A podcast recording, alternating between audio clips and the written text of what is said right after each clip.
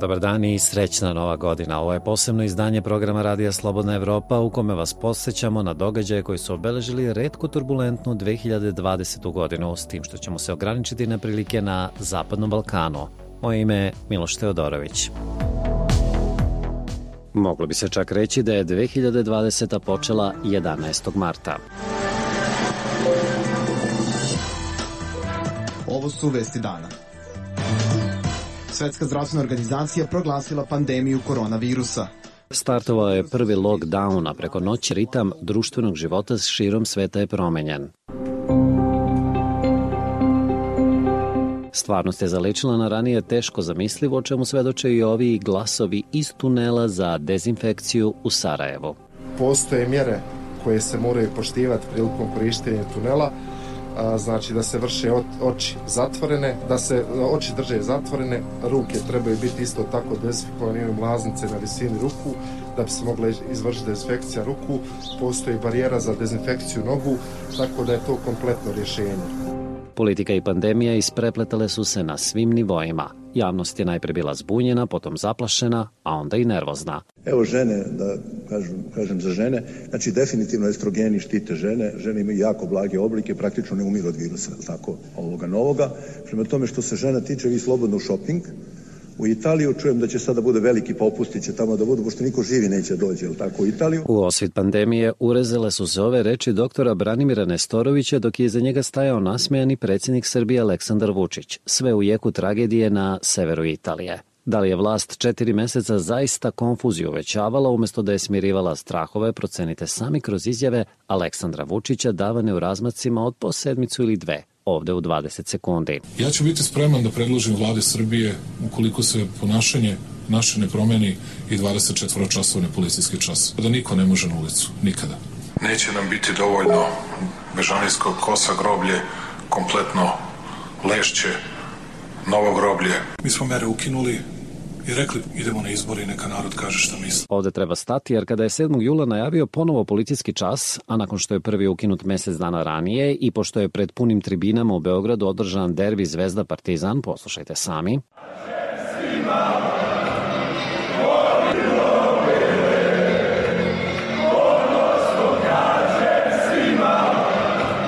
te održani izbori o kojima će kasnije biti reči, stvari je izmakla kontroli.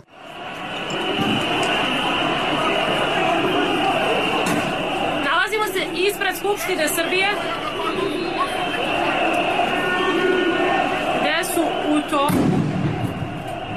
sukobi policije sa delom demonstranata koji su pokušali da upadnu u Skupštinu. Ja se tačno ne vidim Pažljivo je gazila naša Nevena Bogdanović centrum Beograda u četiri noći žestokih sukoba.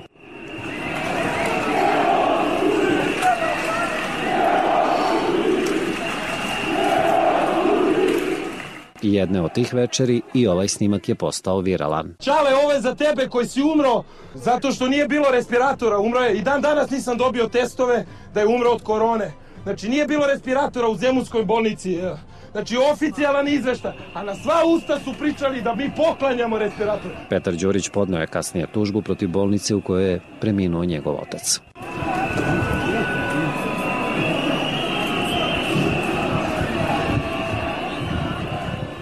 Inače, posle prve eksplozije, broj inficiranih u Srbiji se tokom leta smanjio, da bi u novembru i decembru kriza eskalirala. Rade Panić, anestezijolog iz Kraljeva. Čujete me da sam uzbuđen. Dakle, Svakako. rekli ste da dolazim iz crvene zone.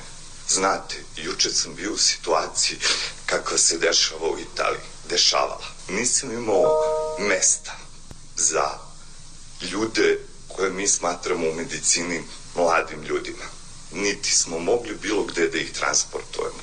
No, nisu se samo u Srbiji zaigrali. Oko Uskrsa početkom aprila mere su popustile i u Hrvatskoj.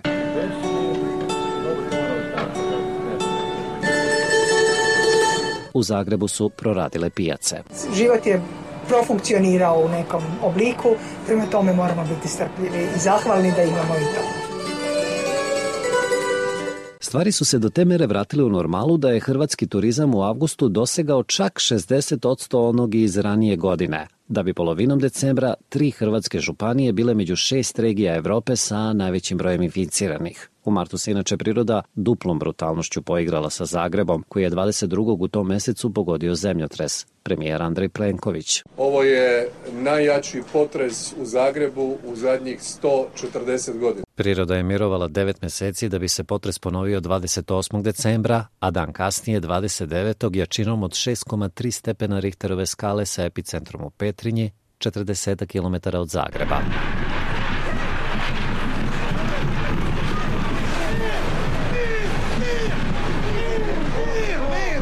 Brojni ljudi su na ulici, e, nekakvih pa rekla bi desetak minuta je ovdje treslo. Mi smo bili... Brojni su snimci kamera koje su već bile uključene u Petrinji i snimale posledice prethodnog udara. Pretvaranje ovog grada u ruševinu dešavalo se skoro pa uživo, brišući sve druge utiske 2020. iz ove države.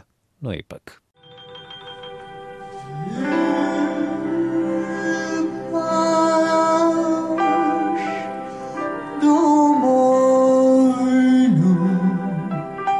Daleko više od izbornog poraza 5. januara predsjednice Kolinde Grabar-Kitarović. Hrvatska je odlučila. Zoran Milanović bit će predsjednik sljedećih pet godina.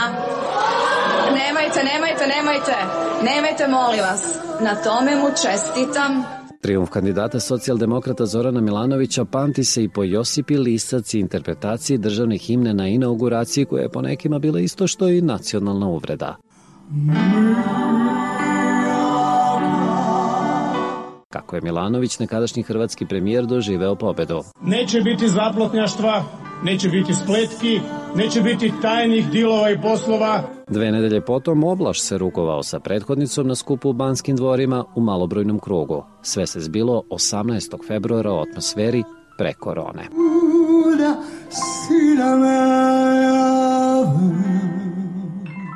U izmenjenim okolnostima sa maskama na licima u Hrvatskoj se opet glasalo 5. jula sada na parlamentarnim izborima. Tada je svoju vodeću poziciju potvrdila vladajuća Hrvatska demokratska zajednica, što je Andreju Plenkoviću potvrdilo drugi premijerski mandat. Danas nama daje za pravo da malo budemo veseli, da budemo malo opušteni. A kako je to pobedničko slavlje bilo?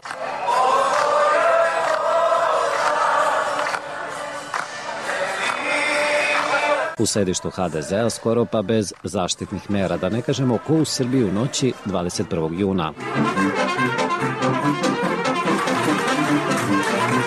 Tu nitko video, nitko čuo za zaštitne mere i to u zatvorenom sedištu Srpske napredne stranke u Beogradu. Grlilo se i ljubilo, kolo igralo ne u ime proglašene pobede nad koronom, već u slavu pobede snaga Aleksandra Vučića koje su osvojile 171 od 250 skupštinskih mandata. U čemu je tajna naprednjaka? Realno, Vučić je dao penzionerima 100 eura i punoletnim građanima Republike Srbije. Pomoć podeljena zbog korone mogla bi biti samo deo odgovora. Dobar deo opozicionih snaga bojkotovao je glasanje. Jasno je da, da nema uslova, jasno je trebalo da bude dogovora vlasti i opozicije, jasno je sad svima da je trebalo naći model kao za Makedoniju i Crnu Goru da bi do pravih izbora došlo i jasno je da to nije urađeno Reči su Dragana Đilasa, jednog od opozicionih lidera. Da li je ta vrsta pritiska urodila plodom? Želim da se sve snage usredsrede ne na to da se razmišlja kako će neko četiri godine da uživa na nekom mestu, već da znaju da je ovo iz tih proba, da godinu i po dana rade usredsređeno, da godinu i nešto dana rade danonoćno. Objavio je Vučić četiri meseca posle izbora, najavljujući nove izbore najkasnije do 3. aprila 2022. da bi neki dan kasnije bila formirana nova vlada sa starom premijerkom Anom Brnabić. Zaklinjem se na odanost Republici Srbiji. Polaganje zakletve kabineta u kom svi znaju da će trajati dve godine. I biti posvećen očuvanju Kosova i Metohije unutar Republike Srbije. Tekst zakletve ostao je isti, a pitanje odnosa Srbije i Kosova prenešeno je u 2021. Pre nego što pređemo na tu stranicu, zadržimo se na izborima, demokratiji i sve zajedno ljudskim pravima na Zapadnom Balkanu. Ako je suditi po podacima Evropskog suda za ljudska prava, do duše iz februara, najnezadovoljniji su u Bosni i Hercegovini, odakle se ovaj sud bavi sa više od 1500 slučajeva. Oko 1300 ih je iz Srbije, više od 300 je makedonskih, a blizu stotinu crnogorskih. Miroslav Lajčak imenovan je za predstavnika Evropske unije za dijalog Srbije i Kosova 27. marta. Bilo je to dva meseca nakon što je izvestilac američkog predsjednika Donalda Trumpa za isto pitanje Richard Grenell sa novom strategijom obišao Prištinu i Beograd. We don't have any specific ideas that we're bringing forward United States. Nemamo neke posebne ideje koje mi, Sjedinjene države, želimo da poguramo. Ono što ja pokušavam da uradim jeste da vidim da li mogu da približim dve strane. Uspeh nije izostao. Da li se sećate fotografije nasmejano lice Grenela u sredini, iza njega Vučić i Tači ozbiljni. To su prizori iz Minhena od 14. februara i potpisivanju sporazuma o normalizaciji železničkog saobraćaja Srbije i Kosova. Sporazum čiji se efekti očekuju otišao je u drugi plan nakon što se Miroslav Lajčak uputio na prvi zadatak najpre u Prištinu. Sa aerodroma, kog se dokopao iz drugog pokušaja zbog korona komplikacija, gde su mu poželeli dobrodošlicu, odmah u kabine Tačija. Stojeći pored Tačija, poručio je da sve što je Evropska unija u dijalogu uradila, uradila je u saradnji sa SAD, te da će tako i ostati. Bilo je to 20 dana pre susret koji je Grenell zakazao za Tačija i Vučića u Beloj kući. Tri dana oči tog susreta 24. juna Tačije na nekom od evropskih aerodroma već treći mesec dobrim delom ispražnjenih zbog pandemije bio na putu za Vašington. Tada je počela njegova drama, ovde izložena u glavnim crtama.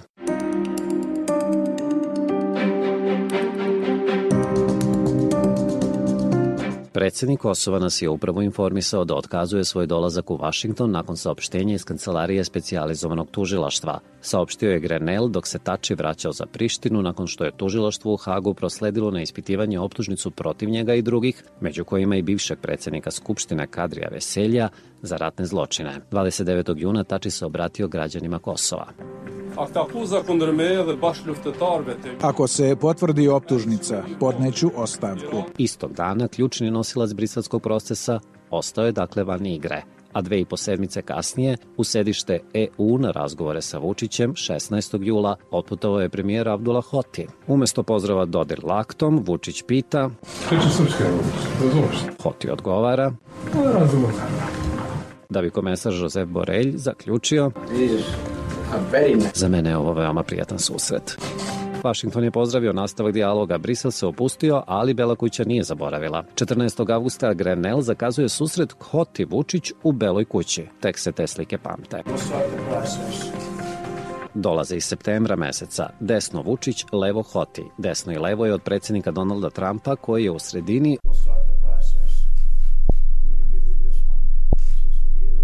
Od 16 potpisanih tačaka ključno je bilo odluka o zabrani 5G mreže te premeštanju ambasada dve zemlje u Izraelu u Jerusalim, odnosno priznanje Kosova od strane Izraela. Do sada je realizovano otvaranje Kancelarije Fonda za razvoj SAD u Beogradu i to 22. septembra, kada je premijerka Ana Brnabić spustila zavesu sa table sa imenom fonda.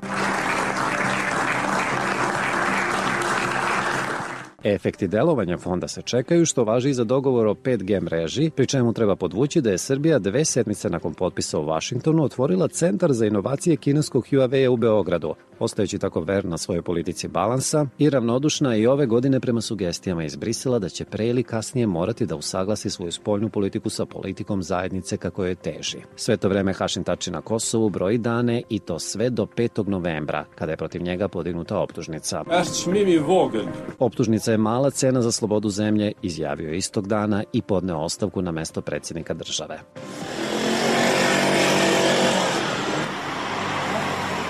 Dok je vršiteljka dužnosti i predsjednica Skupštine Vjosa Osmani ulazila u predsjednički kabinet, Tači je bio na putu ka bazi Euleksa, pa ka aerodromu, pa u avionu, pa u pritvoru, da bi se 9. novembra izjasnio o krivici. Časni sude, optužnica je bez ikakvog osnova, potpuno je neosnovano i ja ovde izjavljujem da nisam kriv. Ovde stavljamo tačku na Tačijevu dramu i povezane detalje. A sada, ko pažljivo prati, zapitaće se otkud Abdullah Hoti u ovoj priči.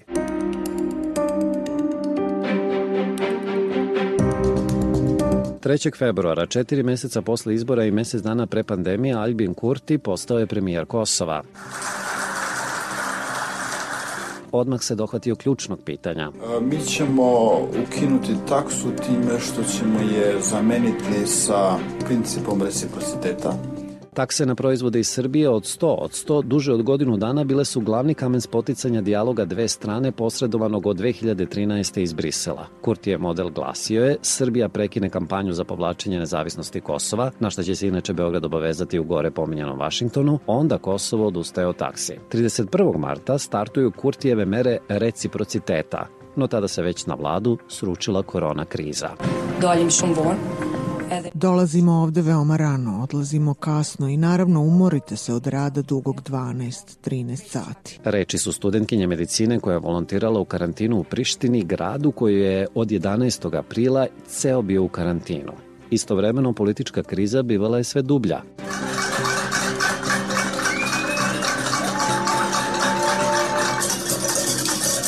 Prištinom se razležu protestni udarci u šerpe i lonce građana koji pozivaju na kompromis na vrhu. Bez efekta. Dva i po meseca nakon što je izabran za premijera, Kurti je optužio američkog izaslanika Grenela da sporazum Srbije i Kosova kom teži podrazumeva i razmenu teritorija. Odnosi Kosova i SAD na nikad nižem nivou. Demokratski savez Kosova i Se Mustafe, koji je podržao Kurtija u Skupštini, traži izlaznu varijantu. U atmosferi uličnih protesta podrške Kurtio, Abdullah Hoti je 3. juna izglasan u Skupštini, a dan kasnije preuzeo dužnost premijera.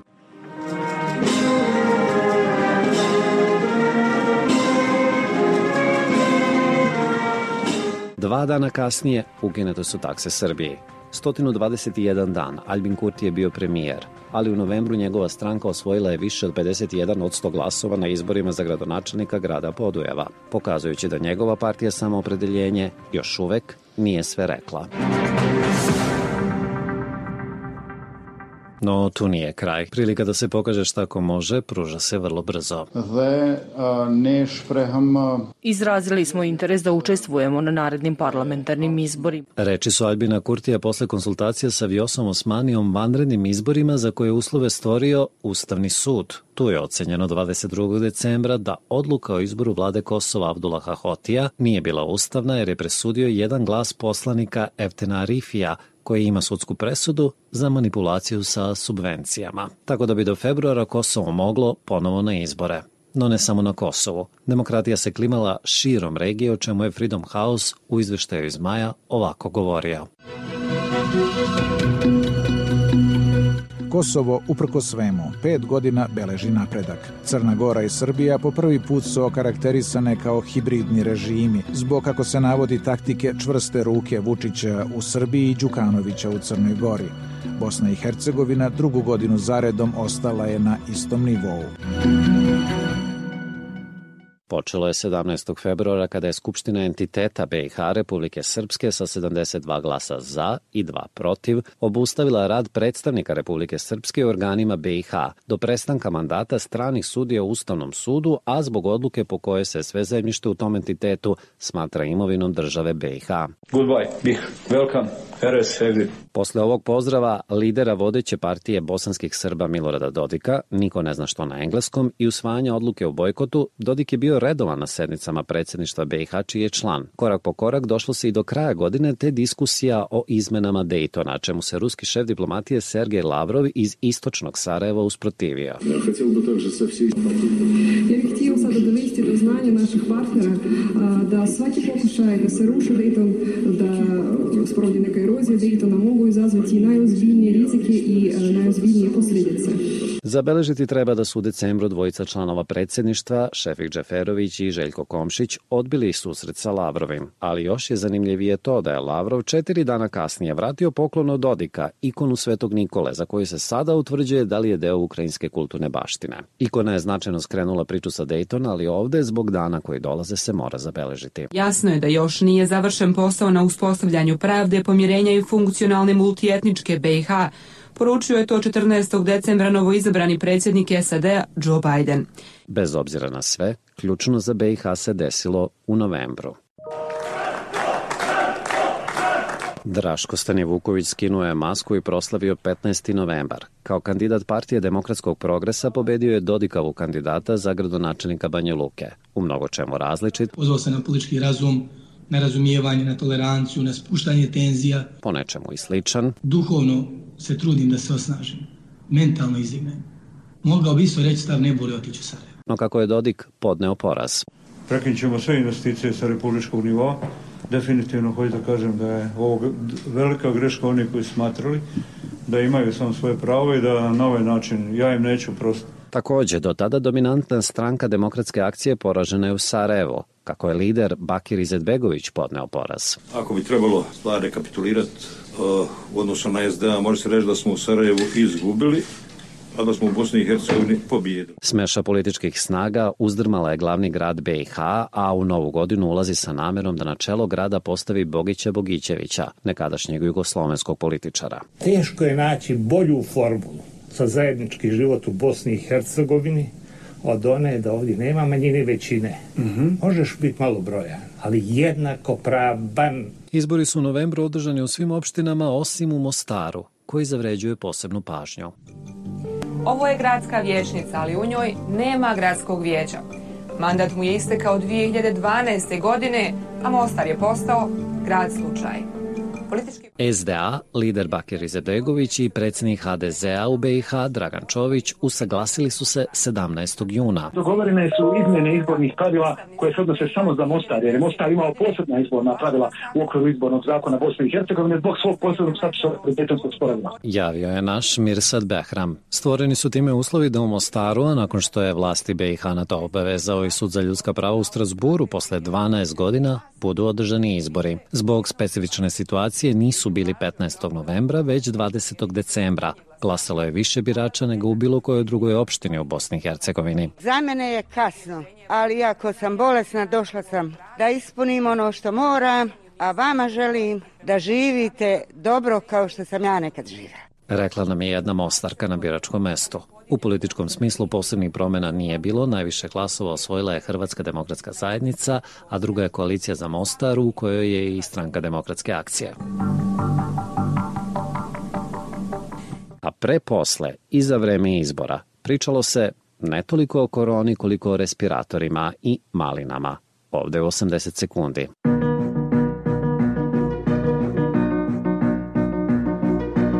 25. aprila na Sarajevski aerodrom stiže pošiljka od 80 respiratora iz Kine koje je kupila vlada Federacije Bosne i Hercegovine. 27. aprila objavljeno da je poljoprivredno gazdinstvo Srebrna Malina dobilo posao od 10,5 miliona maraka za nabavku respiratora, te da je riječ o firmi koja nije imala dozvolu za uvoz medicinske opreme. 28. aprila Državna agencija za istrage i zaštitu počela istragu. 4. maja tužilaštvo BiH preuzelo uzima predmet respiratori. 28. maja premijer Federacije Bosne i Hercegovine Fadil Novalić 8 sati saslušavan u prostorijama Agencije za istrage i zaštitu. 1. juna predstavnički dom parlamenta Federacije Bosne i Hercegovine nije prihvatio zaključak kojim se zbog afere respiratori traži ostavka Novalića i vlade Federacije BiH.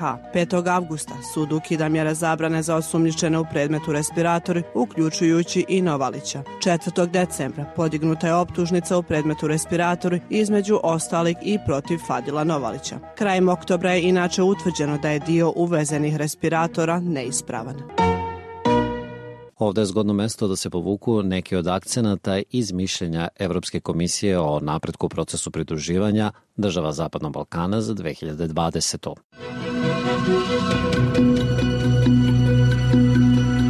Rak rana, ta reč se koristi, svih država Zapadnog Balkana je korupcija. Od specifičnosti izdvajaju Bosna i Hercegovina da unapredi stanje u pravosuđu, Kosovo da poboljša parlamentarnu praksu, a Srbija da izgradi održivu opoziciju. Crna Gora se poziva da očuva evropski kurs.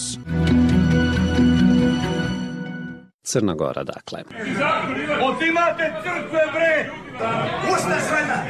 Počelo je u noći između 27. i 28. decembra 2019. kada je usvojeno zakon o slobodi veroispovesti, mada se masa izlila predvođena liderima Srpske pravoslavne crkve uverenim da ovaj akt za cilj ima oduzimanje njene imovine. Yeah.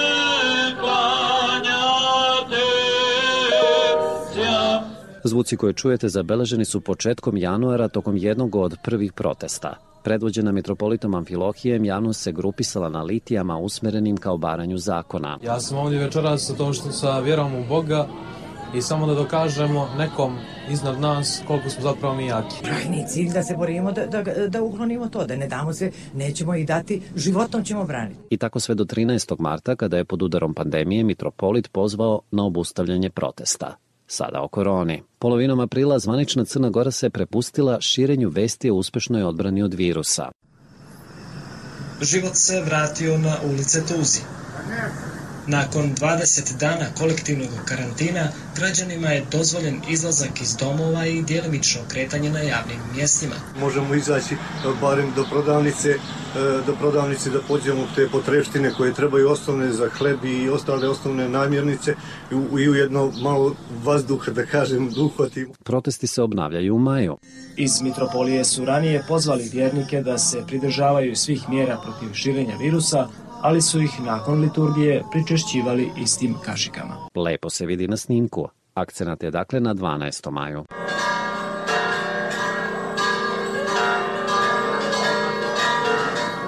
I mošti Vasilija Ostroškog tog dana su sa stena iz istoimenog manastira spuštene u Nikšić, a dan kasnije se protestovalo zbog privođenja organizatora Litija, episkopa Joannikija i sedam sveštenika. Ubrzo su pušteni. Sad opet o koroni. 2. juna Crna Gora se zvanično proglasila korona-free državom, a deset dana kasnije mitropolitan Filohije uveren da... Pripremaju time da i oni tamo otimaju Bečku patrijaršiju, Dečane i Gračanicu. Odbio je ponudu premijera i predsjednika Duška Markovića i Mila Đukanovića da se obustavi primjena zakona. Vlada je bila spremna da obustavi implementaciju zakona o slobodi vjeroispovijesti sve do trenutka dok o njegovoj ispravnosti odluku ne donesu Ustavni sud Crne Gore i Evropski sud za ljudska prava u Strasburu. Sa druge strane, kao odgovor uslijedio poziv mitropolita Amfilohija da se organizuju liti. Deset dana potom, tokom jednih od litija u Podgorici, stvari su izmakle kontroli.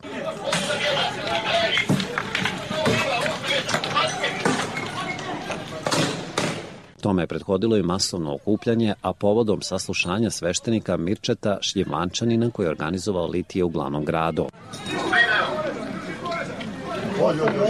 Ostani! Fotoreportere tamo! Zaustavi fotoreportere! Lagano se išlo ka 30. avgustu i parlamentarnim izborima.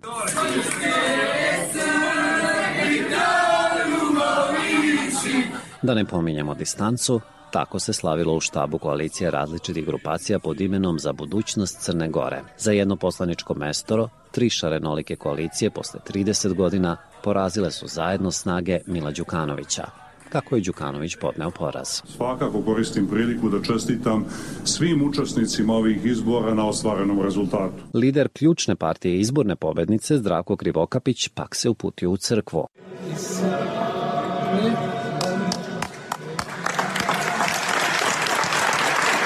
Pokloni se, pa ispravi, pa zagrli mitropolita Amfilohija, pa aplauz koji čujete i pesma. A distanca? Ovo su najvažnije vesti.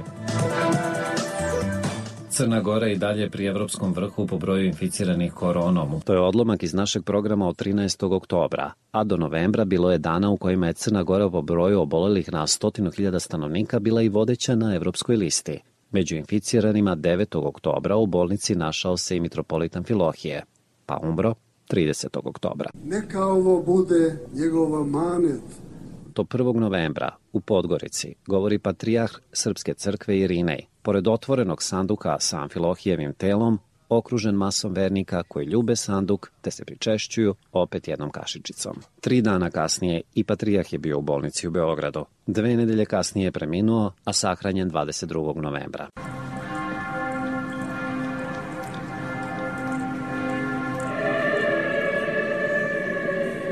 Na obe sahrane je bio Aleksandar Vučić, ali u slučaju Podgorice interesantno da je to bio prvi put kako je kročio u taj grad od kada je 2016. izabran za predsjednika Srbija. Inače na sahrani Irineja Opelo je služio episkop Hrizostom. Dve nedelje kasnije on se našao u bolnici, Umeđu vremenu je izlečen. Crna Gora je 4. decembra dobila vladu na čelu sa Dritanom Abazovićem kao vicepremijerom iz koalicije URA, etničkim Albancem i Krivokapićem kao premijerom. Zaklinjem se da ću dužnost vršiti po ustavu i zakonu čestito, odgovorno i savjesno.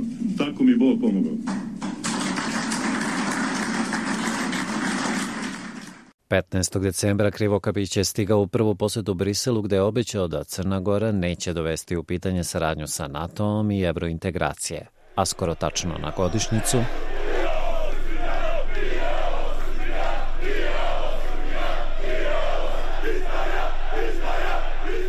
Uz proteste protivnika do jučerašnje vlasti ispred parlamenta u Podgorici u noći između 28. i 29. decembra verski zakon je promenjen.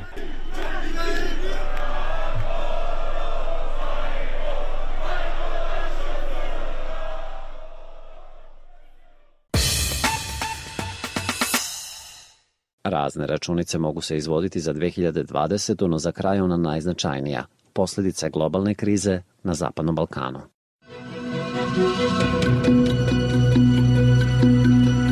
Bruto društveni proizvod po Svetskoj banci pao je najviše u Crnoj Gori za 12,4%, zatim Kosovu 8,4%, Severnoj Makedoniji 4,1%, Bosni i Hercegovini 3,2%, Srbiji 3%. Podaci su objavljeni u oktobru. Kako popuste stege pandemije, tako Svetska banka za 2021. predviđa neizbežni ekonomski rast.